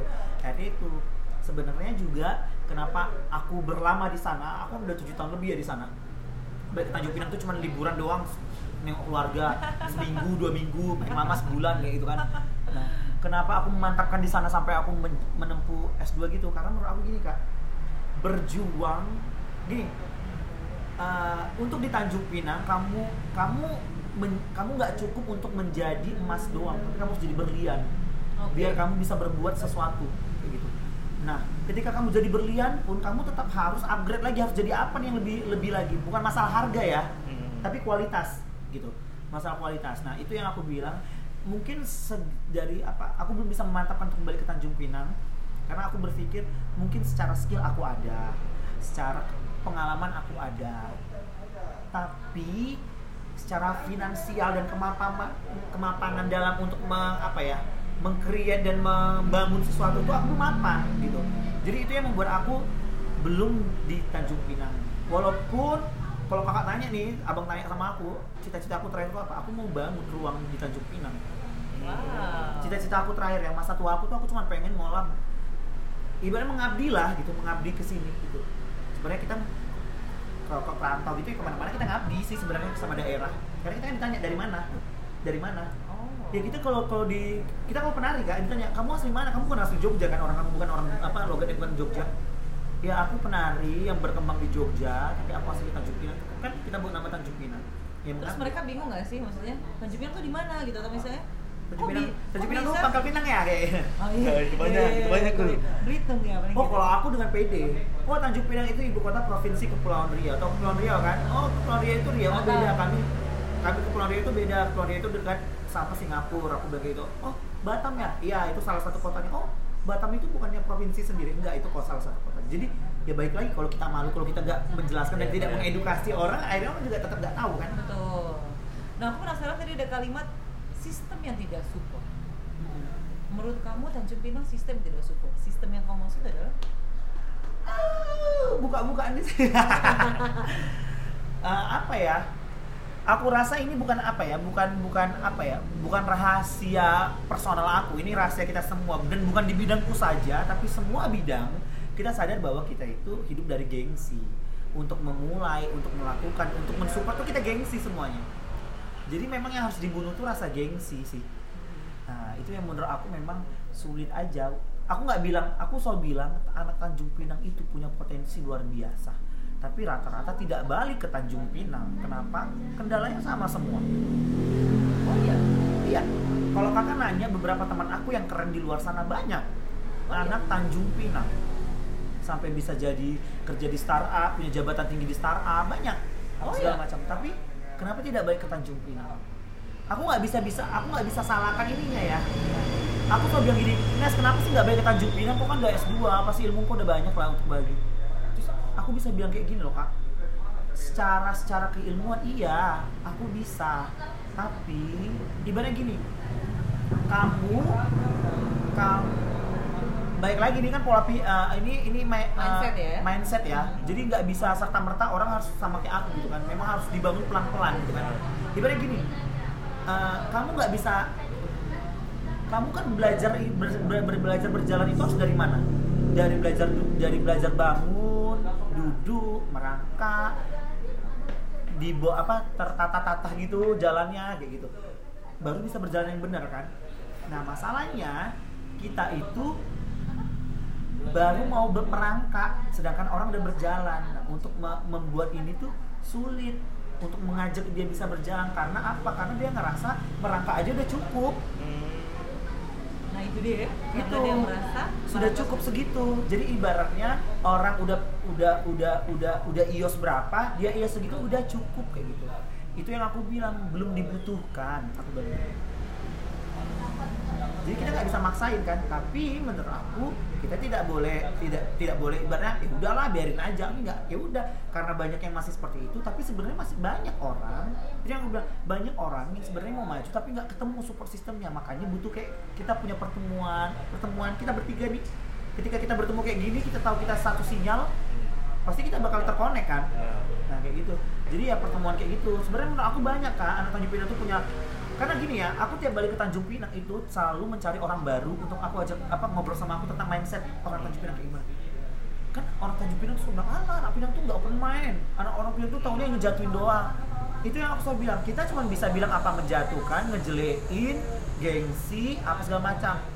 Pertanyaannya kamu bagian dari itu atau kamu sudah menerapkan tidak kalau aku ditanya aku tidak menerapkan itu. Karena apa? Aku mau kayak gimana pun aku nggak gengsi. Aku udah bilang ngetrit dirimu berharga kamu pun jadi berharga. Walaupun kita nggak punya duit sekalipun kalau dirimu berharga punya hidup kan nggak cuma duit ya? Betul. Kita punya prestasi, kita punya agama, kita punya kebahagiaan, apa segala macam. Banyak yang bisa dicari. Kita menjadi manfaat bagi orang, menjadi berkat bagi banyak orang. Itu kita men-treat diri kita berharga. Ya udah. Pernah nengok orang pintar punya ilmu, tapi nggak punya duit, tapi dia ke mana aja orang gini kan, Ih, gila dia pintar, oh dia hebat tau. Jadi nggak semata-mata itu kan. Jadi menurut aku baik lagi kita udah nerapin belum? Ketika kamu ketemu orang, misalnya gini, nggak open minded, tapi kita ketemu orang, misalnya orang beda dikit penampilan, berarti kita nggak nerapin. Jadi kamu bagian dari itu sebenarnya. Gimana mau ada perubahan? Kamunya juga nggak berubah. Habis kita kena cuci kayak Iya. biasanya biasanya ente yang aneh cuci ya sekarang kita dicuci sama bapak ini Iya karena gini, aku kalau ke mana-mana gitu, aku suka jadi diri aku sendiri. Mau orang bilang misalnya gini, ih apa sih dia nyentek banget sih, kok aneh banget sih. Jadi, I don't care. Kenapa? Karena kamu sebenarnya sedang membunuh pola pikir masyarakatmu sendiri kayak gitu. Kamu nggak open ke situ. Aku bukan bilang, maksudnya kalau aku, maksudnya batas semua sih. Cowok pakai baju warna-warni menjadi hal yang aneh. Padahal warna tidak Bukan ada ber, ber- Warna bukan ini, satu. warna bukan satu dan bukan gender. Warna itu bukan gender yang harus dikotak-kotakin kayak gitu. It's okay kan? Berarti sebenarnya yang nggak punya ilmu kamu gitu. Sebenarnya kamu menghina orang sama aja kamu menjatuhkan dirimu sendiri. Makanya ketika aku misalnya kalau aku berjalan aku segala macam ya kebetulan belum pernah sih aku dapat perlakuan yang kayak yang nggak enak gitu sama orang. Tapi aku yakin orang kalau nengok aku tuh selalu kayak berpikiran gini ih kok dia nyentrik banget ya? Walaupun dia bukan bilang ih aneh jelek. Dia nggak ngejelekin tapi dia punya pikiran kayak kok dia berani ya? Dan gitu. ente bisa merasakan itu. Dan aku bisa merasakan walaupun ujungnya dia bilang maksudnya aku tahu kadang dia mikir gini mungkin dia bilang ih bagus tapi kok dia berani ya? Hmm. bagi dia gini oh dia cocok kok pakai kayak gitu tapi kok dia berani? Kayak gitu. Ya karena menurut aku warna, warna, warna bukan gender yang harus dikotak-kotakkan kayak gitu nah kalau aku ketemu orang kayak gitu kakak tahu nggak respon aku kayak gimana? Apa? hai aku gituin ladenin aja ya. Nah, aku lebih, ladenin. lebih seru. Dan aku misalnya kadang ada misalnya ada orang yang kayak ibaratnya bagaimana begini aku tuh sangat ini loh sangat apa ya sangat aktif ke orang kayak gitu. Jadi kalau misalnya aku anu aku mau yang hai gitu. Aku mau nyapa duluan apa segala macam. Sebenarnya aku sadar kalau kak ke- siapa kemarin kak yang nunjukin? Itu itu loh kayak gitu. itu si Aldi teman kita Nah, juga. aku tahu dia nunjuk. Terus aku kayak yang gini, bener nggak ya ngomong sama aku cuman aku nggak tahu itu kakak Iya, loh. Ma- makanya aku aku pun sosok pede aja. Nes ya? Iya, langsung gitu kan. Iya, aku langsung hai kan, karena aku tuh sangat apa ya? Akhirnya ketika aku ramah, kakak ramah, kita connect kan. Coba Iya. kakak bilang gini, Rines, hai. Kakak kayak, oh beda nih orangnya susah ya. Kayak gitu. Iya kan pasti kan. Nah itu jadi menurut aku, menurut aku kita penting membuka juga walaupun ya baik lagi itu dirimu atau bukan, tapi untuk arah yang lebih baik nggak masalah gitu. Jarang-jarang mah dicuci sama anak-anak S2 tepuk tangan dulu lah buat kita masing-masing. Buat kita masing-masing buat bukan buat lu lah. Ini masing-masing karena kita semua keren. Ini aku udah ah, kan tadi kayak pengalaman yang berharga. Terus kalau pengalaman yang ah, memalukan nih, maksudnya yang Konyol lah, konyol. konyol ya, lah, nah. konyol. Konyol tapi berarti ya. Yalah, yang Boleh, berkesan boleh lah Boleh, ente. boleh. Berarti makanya diinget kan? Iya. Aku pernah sebagai mahasiswa itu yang aku bilang, hei kalian kalian sadar ya, menjadi mahasiswa itu kalian harus pernah ngalamin hal-hal gila. Kalau kalian cuma biasa-biasa aja ngikutin kampus studi, aduh udahlah, sayang kuliahnya. Aku pernah mau bikin acara di kampus, tapi tidak ada budget sama sekali. Sedangkan kita pengen ngundang sen- apa seniman internasional, seniman nasional, seniman terkenal kayak gitu, ngajak semua perguruan tinggi seni untuk gabung di kampus kami. Wih, kayak kita nggak punya budget kita punya budget tahu nggak kita apa yang kita lakukan kita ngamen kita ngamen berhari-hari selama berbulan-bulan. Ya bagi orang bagi orang di sini ngamen kan kayak yang hal yang disepelekan Iya, banget benar, ya. benar. padahal nah beruntungnya Yogyakarta itu lahir eh, seniman besar itu lahir dari ngamen gitu. Seniman-seniman bes- besar itu lahir dari jalan-jalanan kayak gitu. Dia makanya di sana tuh terkenal sama pertunjukan jalanan. Hmm. kita sering pentas di jalanan kayak gitu buat Makanya- ambil dana Iya. acara itu. Dan semua kampus seperti itu. Oh berarti bukan bukan bukan kampus yang bukan semua bukan kampus aku doang. Tapi yang menjadi berbeda adalah tampilannya. Oh. kalau mereka mungkin menyanyi atau mereka cuma bilang jual-jual bunga kalau kami bikin pertunjukan lucu-lucuan. Dan dan aneh-anehan coret-coret muka terus urat malu itu "Ya udahlah sanalah dulu pergilah dulu urat malu tuh nggak usah ada dulu kayak gitu dan itu kita bisa bikin acara segede itu dengan dana hampir mau 100 juta. Dengan ngamen? Dengan ngamen. Sama berapa lama? ya berbulan-bulan kayak gitu. Kita nggak tahu dapat dari mana. Ada aja yang sponsornya ada yang sponsorin hotel ada yang sponsorin transportasi ada yang sponsorin ini apa segala macam. Dan akhirnya jadi acara itu. dan itu menurut aku itu hal yang nggak pernah aku lupakan karena apa? Berkarya itu nggak butuh duit kan. Butuh duit tapi nggak mesti kita punya duit dulu baru berkarya. Benar itu yang aku aminin karena apa relasi pertemanan itu berarti banget koneksi. Koneksi kayak gitu apa segala macam banyak yang bantu. Kayak aku aku kemarin punya punya kenalan dia uh, orang hotel tadi aku udah sponsorin hotel. Itu karena dia cuma ngefans nengok kita nari. Dia nengok kamu anak muda nari. Aku senang nengok lookmu apa segala macam penampilanmu. Aku spot semua uh, seniman hebatnya di hotelku Wow, jadi karena hebatnya pun dapat job Iya, juga. dan akhirnya kayak gitu. Kita dapat dapat dapat support dari mana-mana. Kita nandoin dosen, bikin bikin ini, bikin apa? List nama dosen. Ayo, kan gengsi-gengsian jadinya kasih nama dosen. Terus mereka kan aduh yang satu kasih sejuta, masa gue nggak sejuta gitu. Nandoin dosen kayak gitu kan memang nggak ada bantuan dari ini. Terus kita eh, kita bikin aturan karena aku kan himpunan mahasiswa jurusan gitu kan, hima gitu kan, hima jurusan gitu. Terus kita suruh satu angkatan gitu, semua kita pen- anak tari iuran kayak gitu. Jadi ya dari kita untuk kita. nah Setelah dari kita kakak tahu nggak apa yang terjadi? Adik-adik tingkat kami tidak perlu mengamen lagi karena apa kampus sudah mengakui acara ini acara bagus dan baik dan mulai tahun depan kami yang bakal danai. Wow. Jadi adik-adik kita udah nerima hasil dari kita kan. Jadi tapi pelopor di awal, yang penggiat di awal yang mau mati-matian siapa? Nah itu yang nggak ada. Nah menurut aku, aku nggak bisa bilang aku harus begitu ya, karena aku masih belum tahu nih kelanjutannya di ma- gimana di Tanjung Pinang akunya. Gitu. Itu yang harus kita sadari. Siapa nih yang mau pelopor? Ya kayak kayak teman-teman berdua, ya udah menjadi pelopor menurut aku. Ini kan membuka wacana untuk teman-teman tahu loh pola pikir lain lagi, sudut pandang yang lain lagi. Iya, kamu iya kayak aku bilang oh, Wan kita dicuci Wan. Udahlah orang awam dicuci. Tapi Wan luar biasa loh. Seneng loh aku ngobrol. Aku juga seneng. Aku seneng kalau diajakin ngobrol. Oke, pertanyaan berikutnya. Asik. Eh, Aku seneng nih kalau ada pertanyaan. hmm, sombong boleh lah ya. Sombong boleh asalkan ada kualitas. Oke. Sombong boleh asalkan bisa bertanggung jawab. Ya, u- ya pasti udah bertanggung jawab udah dilakukan kok.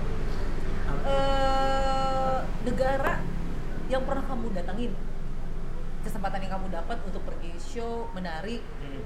udah pernah ke negara mana aja ke negara itu tuh buat show buat buat mentas itu Eh, terserah lah mau diajakin sama Ah, ya. eh, kampus Disebutin memang- semua. nggak ya negaranya aja berapa lah misalnya ya kayak tadi ente bilang Rusia kita juga kaget wah ente udah pernah ke Rusia kaget kan Rusia aku pernah tuh kan di Moskow sama Hmm. Saint Petersburg.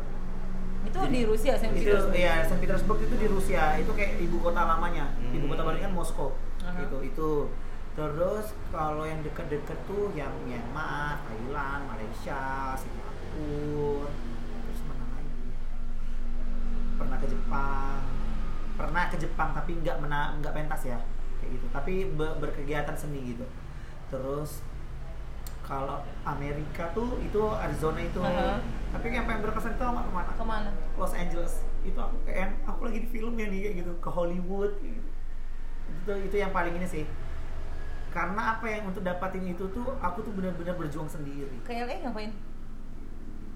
Sebenarnya berkesenian ya workshop. Oh, workshop itu. jadi itu tuh aku double tuh kak. Aku ke Los Angeles beberapa minggu di Los Angeles baru aku langsung ke Arizona lagi acara selanjutnya dengan program yang sama ya. karena kan visa kan susah ya. Benar. visa Iya. Amerika kan susah jadi programnya didepetin. Biar apa? Biar nggak capek ngurusin visa. Gitu. Los Angeles sih paling berkesan kalau ditanya di sana ngapain seharusnya workshop. Tapi ternyata selama berminggu-minggu di sana itu aku workshopnya cuma tiga hari selebihnya jalan-jalan.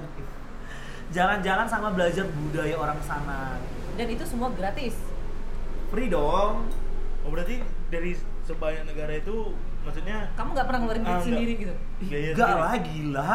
Ngapain keluarin duit? Kalau kalau keluar duit juga. Wan, besok kita nari. eh kalau Dari keluar kemarin nih ya kalau keluarin duit juga ya udah nabung aja terus keluar negeri.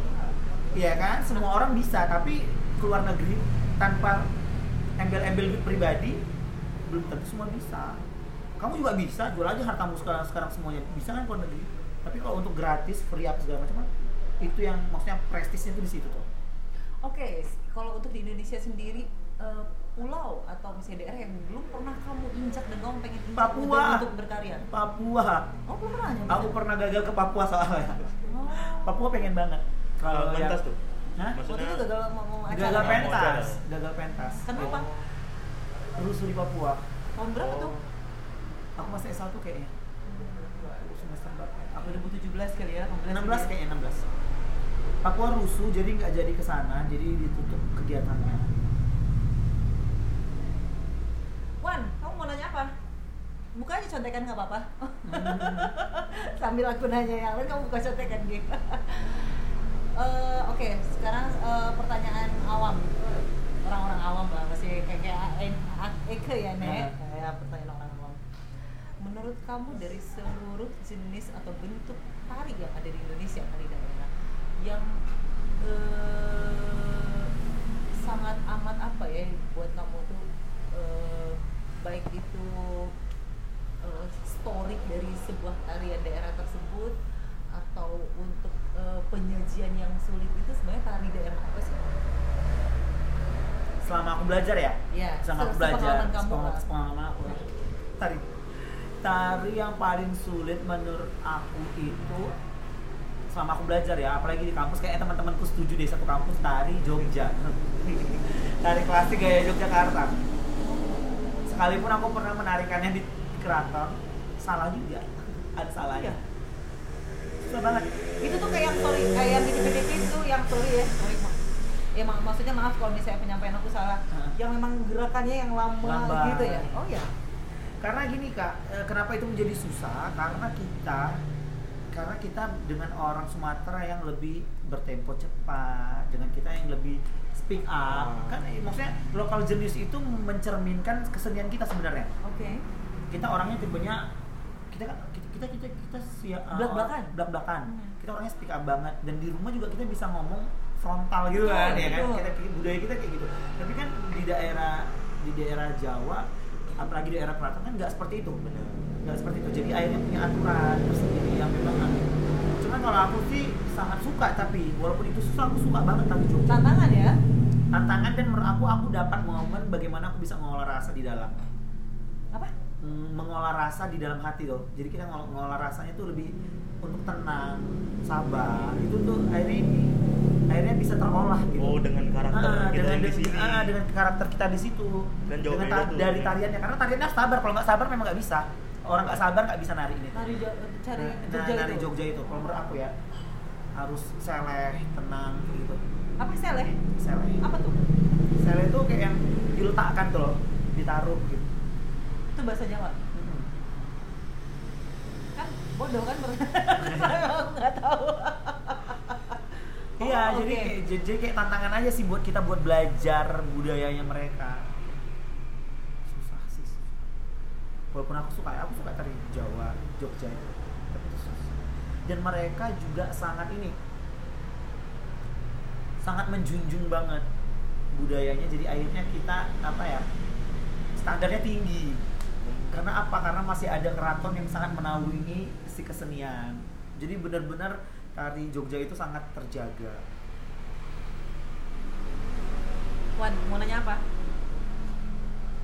Apa ya? Bang Boy kau coba nari. Jahat lo aku. Nes mau nanya apa? Nanya apa? Nanya ke diri aku sendiri. Gak maksudnya ini kalau kalau tari budaya kan kita harus pahami nih apa Ah. Maknanya nih itu maksudnya untuk untuk paham itu mudah nggak atau butuh misalnya eh, apa ya sebulan lagi nih kita pentas maksudnya itu dalam wak- waktu sebulan sebulan sebelum pentas itu kita cukup nggak untuk untuk maknai maksud tari itu kan karena Hmm. kalau nari sekedar Nari doang. aja kan Maksudnya ibaratnya dari segi be- uh, bentuknya, Menjiwai. bentuknya mungkin bisa dihafalin Ah. gitu kan, penjiwaannya. Nah, penjiwaannya gitu Nah, penjiwaan itu hal yang menurut aku beda orang beda cara mendalaminya. Hmm. Karena kita aku nggak bisa ngontrol perasaanmu ya. Hmm. Aku juga nggak bisa ngontrol bagaimana kamu harus menimbulkan rasa itu karena itu kan balik ke diri masing-masing.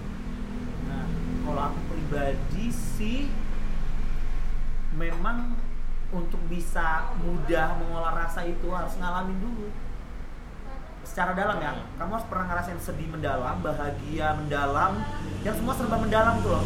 Jadi ketika mau dimunculin itu mudah. Nah, kayak gitu. Ah, itu itu itu yang sebenarnya nggak bisa dia ah, itu nggak bisa diajarin karena juga ada orang yang ah, kalau di tari itu ada namanya kalau orang Bali orang Bali itu percaya adanya taksu. Taksu itu aura aura seseorang. Jadi memang ada orang yang punya aura kuat. Jadi ketika dia menari dia merasa dia tidak terlalu berlebihan untuk mengeluarkan itu tapi rasanya udah nampak tapi ada orang yang dia harus belajar lebih untuk dapatin itu Nah belajar itu yang menurut aku nggak bisa diajarkan karena itu udah bawaan ke dirinya masing-masing. Nah kalau kayak aku orangnya tipenya aku tuh sangat mudah mengekspresikan rasa sedih. Oke. Nah, kalau dari dari apa nari ini kan ada nari yang bahagia, ada yang sedih. Ya ibaratnya ada ada rasa yang Ada ingin rasa. disampaikan kan. Uh, aku aku mengungkapkan rasa bahagia pun dengan kesedihan, terharu kayak gitu. Hmm. Jadi aku memang orangnya agak ke arah yang sebelah sana tuh, kesedih-sedihan kayak gitu, ke hal yang fokus kayak gitu, apa segala macam. Lebih ke sana. Selama kamu berada di Tanjung Pinang, eh, yang kamu lihat dari lingkungan sosial kamu di Tanjung Pinang atau teman-teman terdekat atau sepenilaian, sepenilaian kamu lah gitu. Eh, untuk seni, untuk untuk untuk tari sendiri sih di Tanjung Pinang buat kamu gimana? Nih, lingkungannya, eh, perkembangannya, serah lah itu mau dari sudut pandang Hmm, apa. Kalau gitu. menurut aku ini udah udah jadi rahasia umum sih. Uh, untuk untuk teman-teman sebenarnya sangat bergerak ya sudah mulai bergerak, mulai ada pertemuan, pergerakan ke dunia-dunia tari yang uh, tidak lagi melulu itu itu aja Benar. wujudnya. Oh, wujudnya itu aja maksudnya? tari tari tradisi saja, Narinya nari tari gitu-gitu kreasi aja. aja. Udah mulai ke arah misalnya K-pop udah ada, anak-anak street dance sudah ada, terus ke arah-arah kontemporeran, karya-karya inovatif kayak gitu tuh udah ada. Jadi jadi menurut aku sebenarnya sudah ada orang-orangnya tuh udah ada yang di bidang-bidang itu perkembangannya udah ada. Tapi menurut aku untuk bisa apa ya untuk bisa berkembang itu tuh kita kan harus upgrade ya. Kita gimana mau berkembang sedangkan kita nggak tahu apa yang lagi hits apa yang yang kita belum dapatin apa yang belum kita sampai kayak gitu kan. Kayak gitu. Jadi itu yang menurut aku yang harus apa ya harus harus disadarin sama teman-teman untuk bisa ngupgrade terus. Ngupgrade terus ngupgrade terus. Tapi sebenarnya perkembangannya udah mulai ada tapi ya itu balik lagi untuk ibaratnya untuk sistem yang sudah ada aku nggak bisa bilang sistem salah ya. Karena menurut aku ya kemampuan kita memang masih di situ kayak gitu. Ibaratnya pemahaman kita masih di situ. Nah aku cuman saran berusaha untuk melihat keluar. Ataupun gini kalau aku punya perumpamaan gini untuk melihat uh, isi di dalam kotak terkadang kita buta kalau kita melihat dari Dari dari, dalam. dalamnya sendiri. Dari- jadi kita harus pergi luar. dulu keluar baru kita nengok ke dalam apa yang kita mau nengok gitu. Jadi kita bisa menilai sesuatu itu nunggu kita contoh deh kalau kamu jadi diri kamu sendiri dan menilai dirimu itu pasti sulit.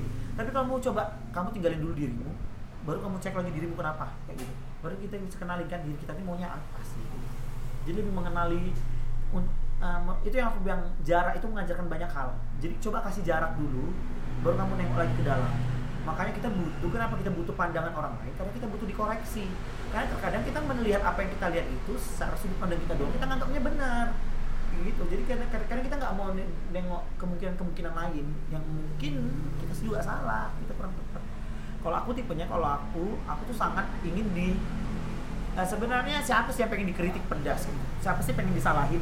Gak ada yang pengen kan? Tapi kalau kita sadar kita untuk mau merubah ke arah yang baik, terima lah. itu secara personal atau kelompok ya Iya. untuk bidang tari ya. Hmm, berarti kita harus menerima. Balik lagi kita anti kritik tidak gitu. kalau kita udah anti kritik, ya sudahlah cukup sekian dan terima kasih. Kayak gitu. Sebenarnya kalau dikritik itu kadang sakit hati. Aku juga sampai sekarang kalau kadang dikritik yang gimana-gimana apalagi nggak pas momennya, Iya. nggak pas kalimatnya, sakit hati. Tapi kan nggak berarti kita langsung nggak mau dengerin. Bawa kritikan itu ke orang yang lain. Aku dikritik kayak gini, kira-kira gimana guys? Udah, udah, aku udah Nah, lakukan ke tapi- Wawan tadi siang. Tapi kalau masih juga orang juga ngasih sesuatu dan feedbacknya sama dengan yang kritikan ini atau menambah kritikan ini lagi, berarti kan berarti kita yang harus berbenah. Kalau cuma cuman satu dua orang yang mungkin berpikiran seperti itu, berarti mungkin itu bisa jadi salah. Tapi harus cari dulu kemungkinan lain. Ada nggak orang yang memang support kita dengan apa yang kita lakukan? Tapi kalau udah nggak ada ya perbaikilah. Baik lagi, aku tuh tipenya gini, negatif positifnya dihitung aku tuh suka ngitung banyak positifnya atau negatifnya beruntungnya gimana terus balik lagi berkaca aku tuh panggilannya apa oh aku lebih suka mengedukasi ya udah aku tinggalin yang ini aku lebih ke sini gitu. Ya baik lagi kenalin diri penting Oke. Nes, tadi kamu ada bilang adalah stigma laki-laki penari. Mm-mm. Nah, sok, mangga. buat kalian eh ya Apa sih? Hmm, jadi gini apa ya dulu pada saat itu uh, aku uh, aku bersyukurnya aku dapat keluarga yang sangat open mind dengan bidang yang aku geluti tidak ada penolakan tidak ada apa ya uh, pertimbangan banyak hal mereka selalu support apa pun itu gitu Nah, Demokratis lah ya. Hmm.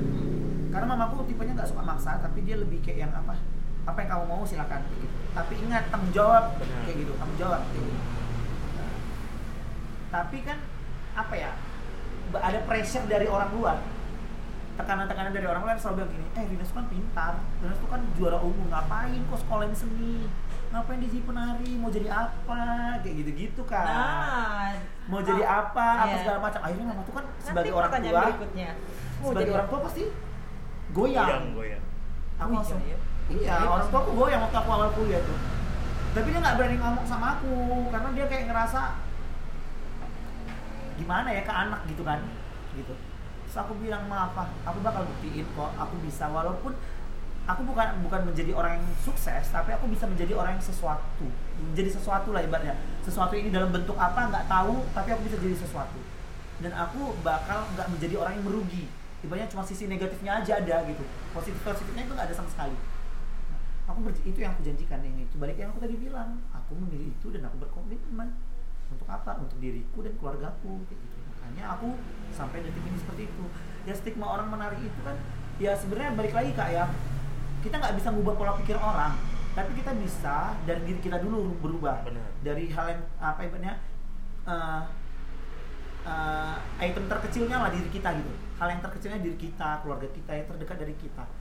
Dan pembuktian sebenarnya gini ya aku sebenarnya nggak suka sih dengan kalimat "Ah, aku ngelakuin ini untuk membuktikan ke orang lain. Sebenarnya no itu hal yang salah. Berarti kamu pengen jadi sesuatu karena orang lain Benar. gitu kan bukan karena dirimu. Bukan diri sendiri. Iya, tapi tapi menurut aku tuh aku jadi ini karena memang ini ini yang aku mau. Tapi dampak dari yang aku mau dan aku terjadi seperti ini bukan untuk aku, woi bukti ini kan aku udah bisa kan kayak gini, kau harus tahu ya. Jadi penari gak kayak gitu, kayak gitu. Nggak, penari cowok tuh ada masa depannya kayak gitu. Enggak, bukan kayak gitu. Tapi kita kasih contoh, akhirnya berdampak ke orang-orang. Bisa dibilang gini kan, masih mau dibilang penari itu gak ada yang sukses kan nggak mungkin orang ada pembuktiannya. Banyak penari di luar sana yang sukses. Banyak penari sana yang bisa hidup. Ya buktinya di sini juga banyak sanggar yang hidup kok bertahun-tahun puluhan tahun. Berarti dunia itu juga menjanjikan. Kayak gitu. Balik lagi kan kita mengolahnya seperti apa kayak gitu. Nah itu yang yang harus dipahami sih sama kita semua. Bukan kita menjadi sesuatu bukan karena pembuktian tapi biarkan kita menjadi sesuatu itu menjadi bias tuh. Dampak ke yang lain kayak gitu. Iya. Kalau dia tujuannya ah, pengen buktiin biar aku keren biar aku nampak suatu saat tidak ada lagi tuntutan kamu nggak akan membuktikan apa pun kamu nggak akan berusaha menjadi sesuatu lagi Kalau udah puas di situ ya Iya. sesuatu ya. Nah, itu dia Tenang, tenang, tenang. Tadi aku udah bongkar kok minimal 25 ribu, maksimal 15 juta. Siapa sih banyak yang? Rata-rata ya pemikiran awam ya gitu ya. Ya, Mm-mm. ya kayak kamu bilang gitu kan. Eh, emang penari bisa hidup apa enggak sih? Makanya dia aku penasaran nanya gitu sebenarnya. Bisa menghidupkan apa enggak ya? Tapi dengan kamu cerita bahwa selama menuju S1 kamu bisa mem- me- membiayakan kuliah kamu sendiri nggak kamu oh, kalau kamu nggak minta nggak akan ditransfer ya itu luar biasa. Tapi aku juga bisa bilang ini tidak menjadi jaminan ya. Betul. Ini tidak menjadi jaminan kamu bakal seperti aku atau enggak dan nggak menjam- menjadi jaminan seumur hidup bakal ada job. Benar. Kan? Betul. Eh, itu itu banyak pertimbangan. Jadi menurut aku tuh orang-orang yang hidup di dunia seni itu orang-orang yang berani berjuang aja sih. Kalau nggak berani berjuang mau tenang-tenang aja nggak usah deh. Nggak usah deh ngambil yang Betul. lain aja kayak gitu. Ngambil yang lain kalau kalau mau berjuang apa segala macam pasti dapat lebih dapat lebih. Aku percaya. Percaya. Iyalah udah ada buktinya no aku percaya percaya percaya itu sih kalau kamu berjuang pasti ada. Karena aku juga punya banyak ibaratnya sebenarnya balik lagi sih kalau kita, kita kita bilang ini nggak menjadi jaminan kenapa? Karena kita juga menghargai seni juga kurang. Coba satu Indonesia menghargai seni seni menjadi jaminan hidup yang kuat. Makanya jangan ada tuh kalau ngejok sama orang harga kawan harga kawan. Ya Harga kawan itu memang menghancurkan itu. menghancurkan usaha kawan oh Seharusnya kalau anak kawan, an- anak desain lagi curhat seharusnya kalau harga kawan malah lebih tinggi kan. betul lebih apresiasi respect lah ya Wak, ya karena dia Sebenarnya kalau aku tergantung, tergantung ini kegiatan apa. Kalau kegiatan ini berbudget, ya kamu harus menghargai kita secara profesional.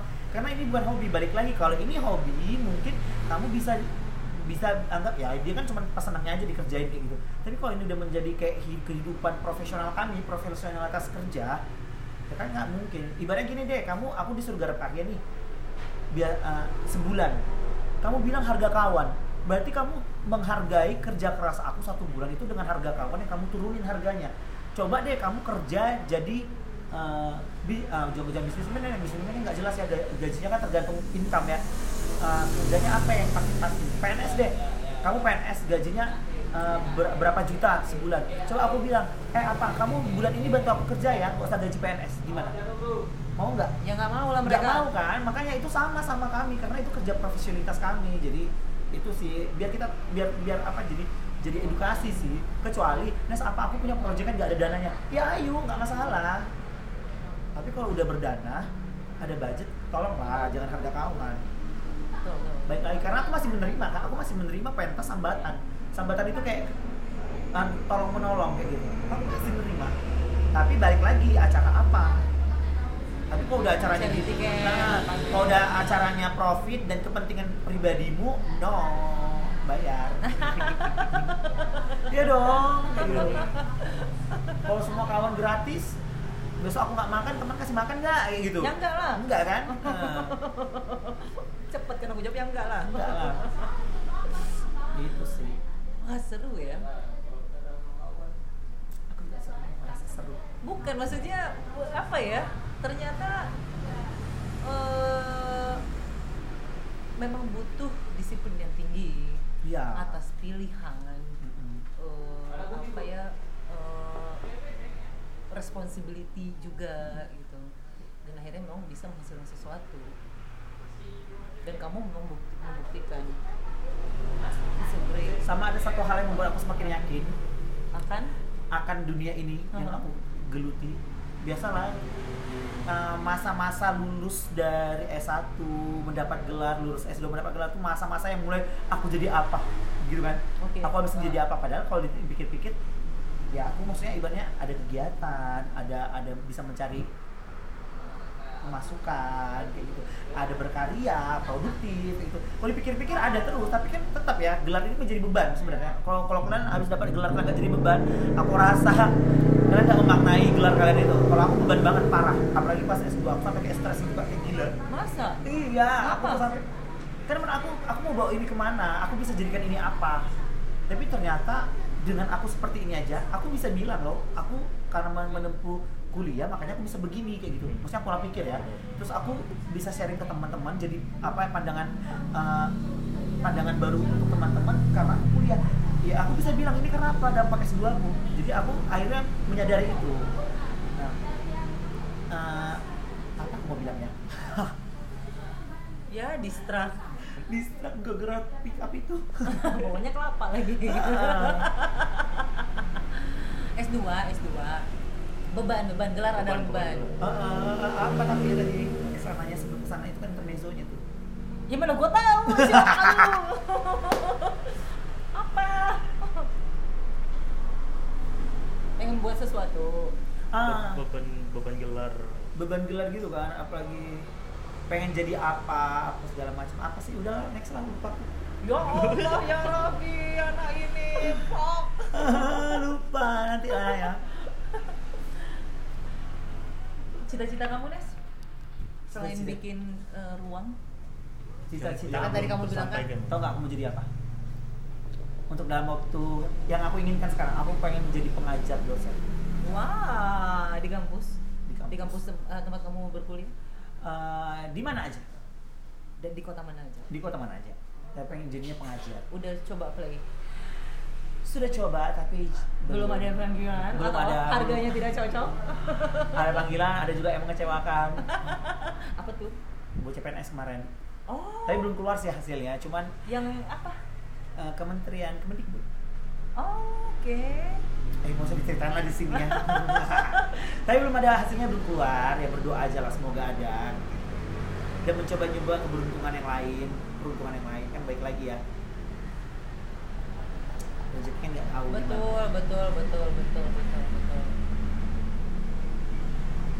Last nih ya, kita tutup ya. Iya, oke. Oke.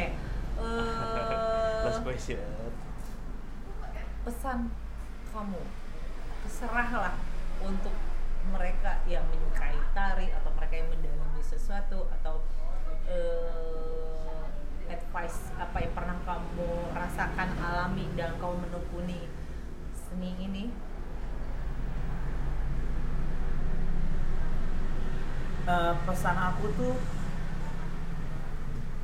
untuk teman-teman yang muda ya, teman-teman muda yang ingin berkembang eksplorasi diri. Aku pesan aku tuh cuma satu, apa nggak semua orang beruntung. Jadi ketika kamu dapat itu, ya manfaatinlah dengan baik karena nggak semua orang beruntung, nggak semua orang punya kesempatan. Ketika kamu dapat kesempatan, ya manfaatin. Bertanggung jawab, restu orang tua, disiplin. Mak ah ini dia, makna hidup itu penting setiap apa yang kamu kerjakan kamu harus maknai itu. Ketika kamu bisa maknai kamu tahu menghargainya se- seperti apa. Kamu tahu tujuan hidupmu ke mana. Kalau aku sih memaknai hidup. Karena yang terpenting itu makna hidup. Kamu misalnya kamu bikin kopi maknanya apa dari bikin kopi ini? Kalau kamu nggak dapat cuma sekedar cuma minum doang aku rasa kamu kehilangan ini loh. Sense of ini loh manusianya. Kemanusiaannya hilang. Apalagi eh, apalagi kita kalau lebih ke money lagi kalau kita cuma mikirinnya duit duit duit duit duit semakin hilang tuh. Mikirnya kerja kerja kerja jadi sense of humanity. humanity-nya tuh hilang kayak gitu. Karena apa? Karena kita tuh manusia kita punya rasa kita punya pikiran kita punya sosial kita punya alam.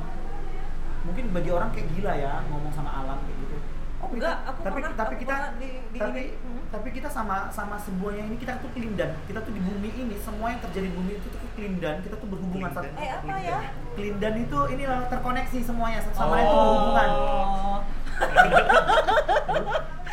semuanya itu kita mau bilang sosiologi jurusan sebenarnya kan gini eh, adanya jurusan itu karena institusi ya tapi kalau nggak ada institusi semua itu berkaitan ya.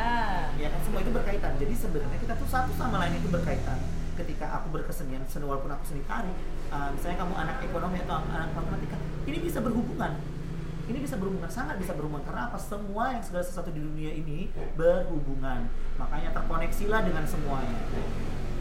Wah. Wah. Terima kasih Des. Sudah banyak mencuci otak hari ini. Wawan, Hmm? besok jadi penari kita Wan. Harus dong. Enggak kemarin kemarin kita ada ospek sama pedagang kaki lima. ngobrol ngobrol ngobrol Wan besok kita jadi tukang jual besok kita jual sarapan Wan besok kita jual nasi goreng ngomong sama Ines Wan besok kita jadi penari Ya karena ter- terkadang banyak hal-hal yang kita nggak bisa ini loh. Itu ya tadi yang bilang nilai kehidupan itu kan kita nggak bisa dapat dari diri kita doang. Kita nengok orang, dengar cerita orang. Akhirnya aku percaya dengan aku bercerita gini, kakak abang pasti dapat nilai kehidupan yang dari aku jalanin. Iya. Walaupun kita nggak jalanin ya. Iya. Akhirnya Pengalaman orang. ah, pengalaman orang menjadi pengalaman kita yang jadinya ketika kita melangkah kita sadar, oh ini ada ada ibaratnya ada hal lain nih. Jadi kita ngelangkah tuh nggak mikir mau ngelangkah ke situ atau ke situ ya, tapi nggak banyak 10 banyak langkah nih yang buka ketika kita mau ngelangkah oh ke sana ke sini sini sini. Yang mana yang mau kita jalanin kayak gitu. Semakin banyak kemungkinan, semakin banyak yang kita ini, yang kita explore. yes terima kasih banyak ya Nes ya Sama-sama aku makasih juga lo udah diundang. Terima kasih waktunya. Banyak sekali lah pokoknya manfaat yang kami dapatkan hari ini. Kap- Apa kapan lagi ada tamu yang bikin kami bengong Eh, sebagai orang awam. Eh, Alhamdulillah mendapatkan banyak cerita ilmu yang kami tidak tahu jadi tahu. Sukses terus buat dirimu. Amin, amin. Segala apa pun cita-cita yang kamu harapkan, Amin, amin, amin. baik buat diri sendiri, orang lain, Amin, keluarga, amin, amin, amin. bermanfaat buat lingkungan ya. Amin, harus Pasti itu bermanfaat. ya. Thank you ya Nes. Terus dulu lah, nggak selesai. Bye. Bye. Aduh, ampun.